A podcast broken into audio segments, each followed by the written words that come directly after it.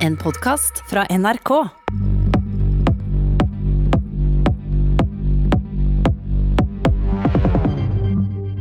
Han blei genierklært, alt gikk vegen, latteren satt laust, og han ville bli vår neste statsminister. Nå har det snudd. Velkommen til NRKs partilederutspørring, Trygve Slagsvold Vedum. Tusen takk for det. Hyggelig å være her. Ja, så bra. Fint du kom. Sitt, sitt latteren fortsatt der. Ja, så var jeg, Det var litt mye kø inn mot Oslo i dag. Jeg kom fra Stange i dag tidlig, så det var litt mye kø. Men uh, heldigvis så kom vi fram i tide. Skjønner. Du, Vi skal begynne med noen korte fakta om det, Vedum. Du er altså partileder i Senterpartiet. 42 år gammel, fra Stange i Innlandet. Forrige stortingsvalg så fikk du 10,3% av stemmene, mens snittet av de siste meningsmålingene nå er på 14,1% Men Vedum, det har jo ligget langt høyere enn dette på målingene. I, rundt, ved årsskiftet så hadde det om lag 20% oppslutnad. Hva er det som har skjedd? Hvorfor har så mange Senterparti-velgere fått kalde føtter? Det viser at vi har et veldig stort eh, potensial. Eh, og så er jo Snittet av målingen nå på 14,1 eh, og vi er jo det partiet som har gått mest fram siden 2017. Men jeg, jeg, tror at vi nå de siste par ukene kommer til å klare å mobilisere enda flere folk. For det står så mye på spill. Altså For de som ønsker å ha en god lokal politiberedskap. For de som bor i gamle Buskerud, som du kommer fra, f.eks., som ser jo at uh, der Viken bare skaper store utfordringer for de som ønsker opptatt av nasjonalt eierskap av naturressursene, der vi kan bruke naturressurser til å skape arbeidsplasser og verdiskapning i Norge. Og derfor tror jeg at vi, Når vi kommer til valgdagen, så har vi et enda større potensial enn 14,1% som er på snittet av målingene i august. Men, men har du noen forklaring på hvorfor folk nå har flykta fra Senterpartiet? De har et av de største fallene på målingene vi har sett i veldig, veldig lang tid. Det er jo litt rart å snakke om å flykte fra Senterpartiet da, når vi ligger an til å gjøre det beste valget i partiets historie. Men, Men det hadde 20 oppslutning og har ligget høyt på målingene over veldig lang tid. Nå har det 14 og 12 og ja, Det viser hvilket potensial vi, vi har.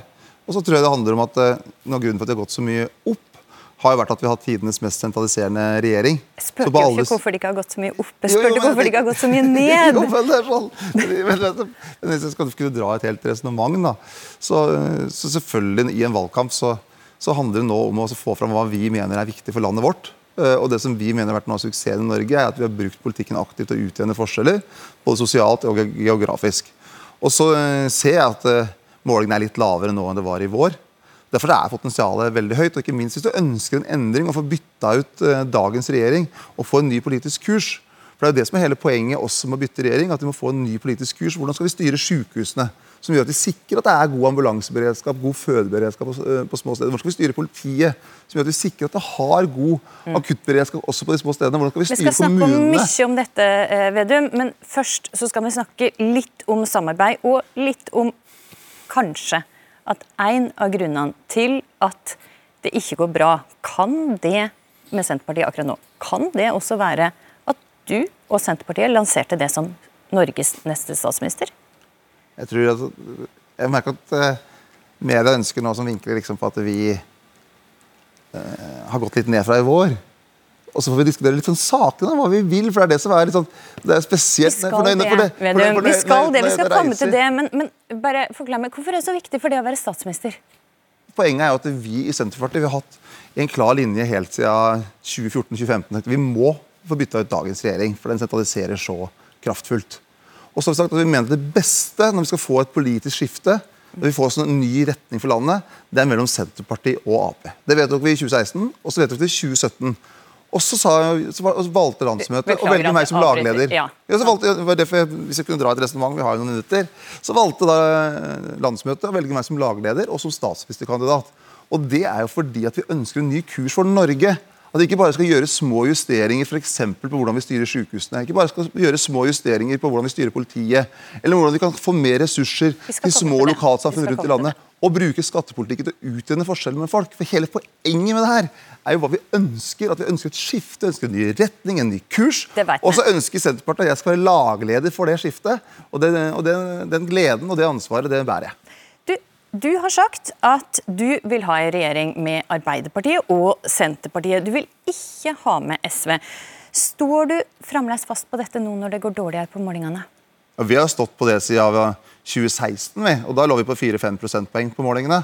Eh, så vi har vært veldig tydelige lenge. Og der ligger en politisk analyse til grunn. For det, Noen ganger så blir jo når du ser på sånne TV-debatter, sånn, så blir det framstilt litt som et spill. Men det ligger jo en analyse.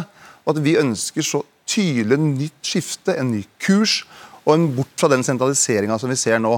Og da mener vi skal vi klare å bruke naturressursene, skape arbeidsplasser, få ned forskjellene, sikre nasjonalt eierskap til naturressursene, få bedre beredskap, så blir den beste løsningene mellom Senterpartiet og Ap. Kan og det er vårt du love da at SV, at Senterpartiet ikke vil sitte i regjering med SV?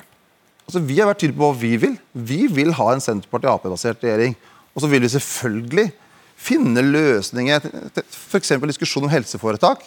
Så vil jeg tro at eh, SV vil være enig med Senterpartiet at du må få mer politisk styring over sykehusene for å klare å lage en bedre lokal beredskap. Så Det er jo sakene som til sjuende og sist eh, er det avgjørende, men i regjering så mener vi at det beste er Senterpartiet og Ap. Men du kan ikke love at du ikke kommer til å sitte i regjering med SV etter valget? Jeg kan eh, si det vi mener, og det har vært helt krystallklart på hva vi mener. Men det er ingen garanti og ikke et løfte. Jo, men Dere vrir på sånne ting. Nei, nei, det Ja, ja. er, jeg prøver å få en avklaring. Ja, men, og avklaringa er veldig tydelig. Det at Vi ønsker et politisk skifte, et retningsskifte. Bytte ut Frp og Høyre, som egentlig er de to dominerende partiene nå. Og så er det Venstre og KrF som henger litt på. Med Senterpartiet og Ap. For vi mener det er det beste. Og så er det mange, mange saker, så jeg er helt sikker på at eh, SV helt naturlig vil støtte de løsningene som kommer fra Senterpartiet og Ap. En sak der Senterpartiet faktisk er enig med SV, det er om EØS-avtalen, Og Senterpartiet har kanskje vært en enda argere kritiker enn SV av Senterpartiet. Og, ønska å si opp EØS-avtalen. Men denne valgkampen så har det kommet litt nye takter fra Senterpartiet. Og når du ble spurt av VG om Norge bør melde seg ut av EØS, så klarte ikke du svare ja eller nei. Hva er det som har skjedd? Det er helt krystallklart hva vi mener i vårt program. Eh, og Det har landsmøtet vedtatt. Og det vi, det vi sier er at vi ønsker å jobbe for å få erstatte dagens EØS-avtale med handelsavtaler med EU. Men selvfølgelig må man ha avtalene på plass før man erstatter den avtalen man har. Og så har vi sagt at Det viktigste Det er på energisamarbeidet på, på ACER. For vi mener at vi må ha kontroll over norsk energipolitikk. Fordi at Nå ser vi at strømprisene i Norge går opp mer og mer. Og så har eh, Høyre sammen med Fremskrittspartiet, MDG, Arbeiderpartiet, KrF og Venstre hvis ikke husker helt feil, ga fra oss suverenitet på energipolitikken, som gjør at eh, målet i EU-samarbeidet er at det skal ha mest mulig lik strømpris i Europa. Og strømprisen i Tyskland i fjor var nesten dobbelt så høy som i Norge. Så det, punkt nummer én er å ta tilbake kontroll over energipolitikken. Eh, Og så litt tilbake til Senterpartiet sitt standpunkt. Eh, jeg må sikker på at jeg forstår dette riktig. Fordi at Hvis da EU ikke vil gi Norge ei bedre avtale enn det vi har i dag, så vil Senterpartiet at vi skal fortsette med EØS-avtale. Er det riktig forstått? Det som er helt riktig forstått er at Senterpartiet er EU-motstandere. så Vi ønsker ikke gi fra oss mer makt til EU. Og så vil vi ha avtaler eh, med EU. Selvfølgelig, for det er våre nærmeste naboland. Og vi samarbeider jo tett selvfølgelig med de landene. Og Der er jo hovedskillen går mellom Høyre og delvis Arbeiderpartiet, som ønsker å melde oss inn i EU. Ja, mens vi ønsker men, ikke og derfor det, ønsker Beklager at jeg avbryter, men svar på, det, svar på det jeg spør om. Hvis, hvis ikke EU er villig til å gi oss ei bedre avtale enn den EØS-avtalen vi har i dag, så vil Senterpartiet fortsette med dagens EØS-avtale. Vi vil prøve å få til forbedringer. Men hvis ikke det går, så vil dagens EØS-avtale fortsette. Ja, Du stiller noen hypotetiske spørsmål. for Vi har jo i vårt eh, program vært helt krystallklare på hva vi ønsker. Vi mener at dagens EØS-avtale tar for mye makt ut fra storting og folkevalgte organ, spesielt på energipolitikken og arbeidslivspolitikken. Og de mener vi må ta den makta tilbake. Og Så er jo selvfølgelig da en forhandling med EU og se hvor vi kan klare å få til forbedringer. Jeg sjøl har vært statsråd eh, og hadde da en uenighet med EU for å sikre norsk næringsmiddelindustri. Og vi gjorde da endringer i norsk regelverk som har gjort at vi sikra flere tusen arbeidsplasser og matproduksjon rundt omkring i Norge. EU var ikke glad for det. Vi gjorde det. Vi brukte vår handlefrihet som ikke-EU-medlem og sto opp for norske interesser. Og Det er jo det en regjering må gjøre. og Vi mener dagens regjering har vært altfor defensiv i møte med EU. F.eks. nå med okay. toll- og batteriproduksjon. Så har regjeringa bare sittet og sett på. for Vi må ha en mye mer aktiv europapolitikk og vi må stå mye mer opp for norske interesser og sørge for at vår industri kommer bedre ut. Men Vedum, er det realistisk, realistisk å tro at EU vil forbedre den nåværende avtalen som vi har, og gi Norge mer selvråderett og samtidig en bedre handelsavtale enn vi har i dag? Når du så hva som skjedde med brexit? Ja, men Heldigvis da, så har det norske folk vært så kloke. Så I Storbritannia de meldte seg inn i, i EU på starten av 70-tallet. Men det norske folk sa jo nei til EU-medlemskap. Og det norske folk sa nei til EU-medlemskap også i 1994. Så det er jo, så Norge og Storbritannia kan jo ikke sammenlignes. For vi har hatt avtaler med EU hele tiden. Eh, og vi skal fortsatt ha avtaler med EU. Men så er det ikke sånn at alle avtaler EØS-avtale. eh, Det er ikke sånn at alle avtaler som var inngått på starten av 90-tallet er helt perfekte. Så, og så kan vi ikke ha den der holdningen som har vært i norsk politikk nå, at man skal stå med lua i hånda og si unnskyld for at Nor- Norge også har våre interesser. Husk at EU har mye større handelsoverskudd med oss på varer enn vi har med de. Så vi har gjensidig glede av handel. Vi er helt avhengig av det begge to. Det er ingenting som settes i spill, det skal være trygt. Men vi skal stå for våre nasjonale interesser, og ikke minst på energipolitikken. Så er det avgjørende viktig ja, at vi klarer å bruke vår kraft og bygge industri, arbeidsplasser Ja. og lavere strømpris til folk. Du, Vedum, nå skal vi stille noen korte spørsmål som jeg håper at jeg kan få litt korte svar på. Fritt behandlingsvalg for eh, sykehusbehandlinga, ja eller nei? Vi ønsker, altså skal fritt sykehusvalg. ønsker vi. Så Det, det, det tror jeg folk kan misforstå, for det er to ulike ting. Men fritt eh, sykehusvalg. Eh, men ikke fritt behandlingsvalg. Ja, for Det er for at vi er opptatt av at man skal sikre at vi har en offentlig helsetjeneste i hele Norge. Bør vi ta imot færre eller flere kvoteflyktninger enn i dag? Vi ligger eh, omtrent på dagens nivå, men vi har hatt litt lavere noe budsjett. greit, vil Senterpartiet gjøre det lovlig med pelsdyroppdrett i Norge igjen? Ja, det toget har gått. Det, en, det var en overtramp Nei. at regjeringa bare overkjørte en helt lovlig privat næring uten noen utredning. Så det var et nei. Blir det Nei, blir for- nei, det var et ja, men det spørsmål. Enkelt, ja, men det blir for enkelt å bare svare sånn. For å ta hørte ansvar. svaret ditt. Det nei. Du, blir det FM-radio igjen hvis du blir statsminister? Vi må videreføre at eh, lokalradio har mulighet til å sende på det. Jeg mener det er helt uh, uforståelig at ikke lokalradioene også videre kan sende på det, så lenge de finansierer det sjøl, sånn som de gjør i dag. Skal kjøttforbruket i Norge opp eller ned? Ja, det kommer opp til hver enkelt, og vi må slutte med den moraliseringa av folks kosthold. Og så tror jeg et variert og sunt kosthold er av det gode. Ok, Vedum, vi skal gå over til å snakke litt lengre svar. Okay. Og, og eh, du ønsker jo en politikk der du tror på hele Norge. Du vil at folk skal bo i hele landet, ta hele landet i bruk og være trygg i hele landet. Og vi skal forsøke å forstå litt mer av hva dette faktisk innebærer i praksis, og hva velgerne dine faktisk kommer til å få, med noen konkrete eksempel. Tenk deg nå i 2025. Du har vært statsminister i fire år. Hvor mange statlige arbeidsplasser har du flytta fra byene til distriktene? Poenget der er at vi må klare oss å Jeg liker ikke premissen, for du skal flytte fra eh, byene til distriktene. Poenget er at nå flyttes jo statlige arbeidsplasser i stor stil fra distriktene til byene. Det er det som nå skjer. Fra 2013 til 2016 så flytta jo, mista jo 261 kommuner bare de første tre åra. 261 kommuner mista statlige arbeidsplasser. Og poenget når du skal da summere opp etter at vi eventuelt, da, hvis folk gir oss tillit til ansvaret, så skal man oppleve at det er motsatt som skjer. At også de små kommunene får statlige arbeidsplasser. Så de 261 som har mista, skal gå pluss. Og det handler jo Har om du at et tall eller mål som vi kan måle det på, da, om du har fått til det du vil? Jeg har ikke sagt så og så mange tusen, for jeg tror folk har blitt overraska hvis de har sett hvor mange tusen flere arbeidsplasser som har kommet under dagens regjering. Men at det blir konsentrert i noen få store byer. Og det som er hele poenget, er at vi må, vi må spre som, det rundt. Det var litt av det jeg prøvde å finne ut av. Det er på en måte å prøve å tallfeste noen av disse målene dine. Jo, men vi- men si et og, du, mål, I dag så alle- blir det lagt ned to gardsbruk hver dag i Norge. Hvordan vil dette tallet se ut om du får regjeringsmakt? Det som er viktig der, er at de som produserer mat i Norge, må klare å ha lønnsomhet. Trygghet. altså Når vi gjør investeringer, ønsker å satse, at det skal være lønnsomt. Men antall bruk, hvor mange som vil gå opp eller ned, det er helt umulig å sette måltall på. For det kan være teknologiske endringer. Det kan være typisk at du får en mjølkerobot, andre ting som gjør at det blir endringer. Men det som må skje nå, forstår, er at vi må satse Du- på Jeg, jeg må Ja. få svare ferdig. For vi må Det var tallet jeg var interessert Jo, men det, i. det er altfor alt for enkelt. egentlig. For det er ikke mulig å sette sånn tall.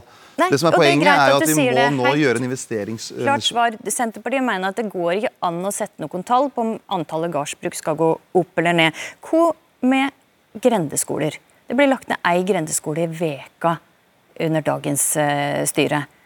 Har du noe tall her? Har du noe måltall her for hvor du vil oppnå når du har sittet i regjering i fire år? Ja, vi kommer til å innføre et nytt eh, tilskudd til kommunene, som gjør at det blir mer lønnsomt å opprettholde eh, grendeskoler.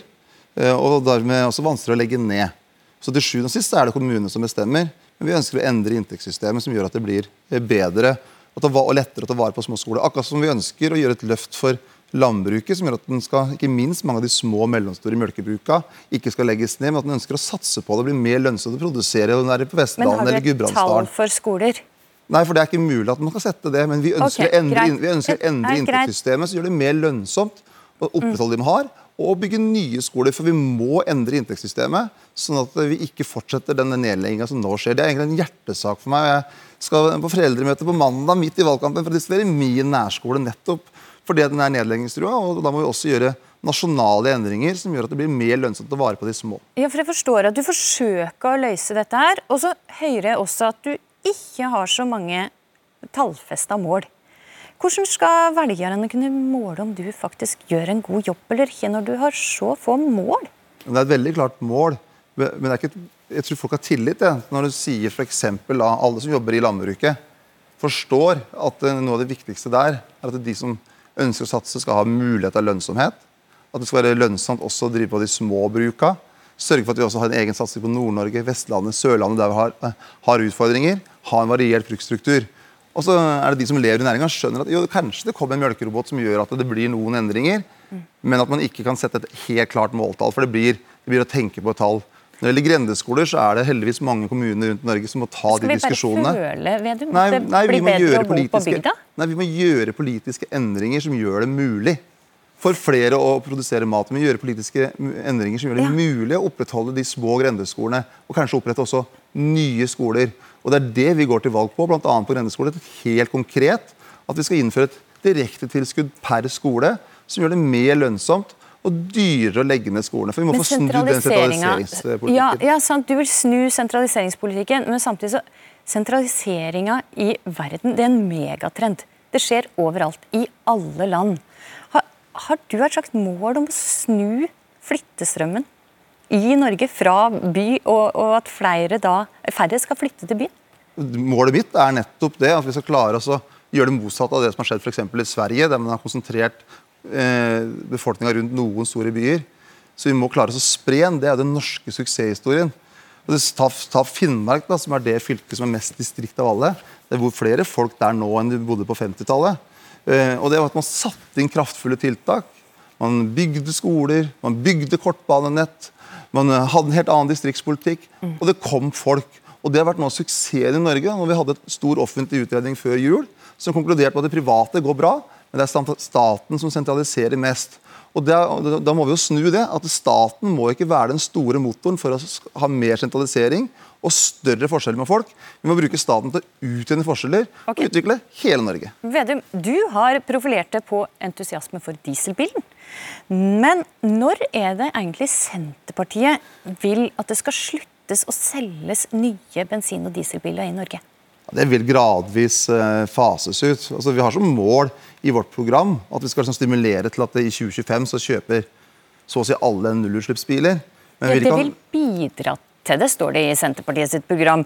Er det et løfte, er det et mål, eller eh, er det bare mer et ønske? Ja, det er at vi skal bidra til det gjennom at vi skal ha en avgiftspolitikk som gjør at f.eks. lønner seg å kjøpe nullutslippsbiler. Men vi ikke at men et forbud det blir feil. Eh, Men det er jo å bruke avgiftspolitikken positivt. Akkurat som vi har brukt på elbil, så ønsker vi å bruke avgiftspolitikken positivt på biodiesel. Som gjør at du får ned avgiftene for de som kjører en eldre bil. Så kan de kjøre mer miljøvennlig, skape mer arbeidsplasser. men At vi ikke straffer folk som har eh, lang reiseavstand, har dårlig råd. For vi må også i klimapolitikken hele tida tenke på at vi må ikke gjøre grep som øker forskjellen mellom folk. og Det er jo noe av min kritikk mot regjeringa.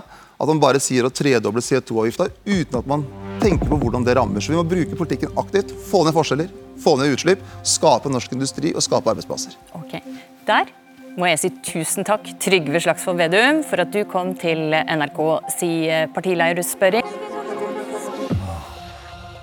Du har hørt en podkast fra NRK. Hør flere podkaster og din NRK-kanal i appen NRK Radio.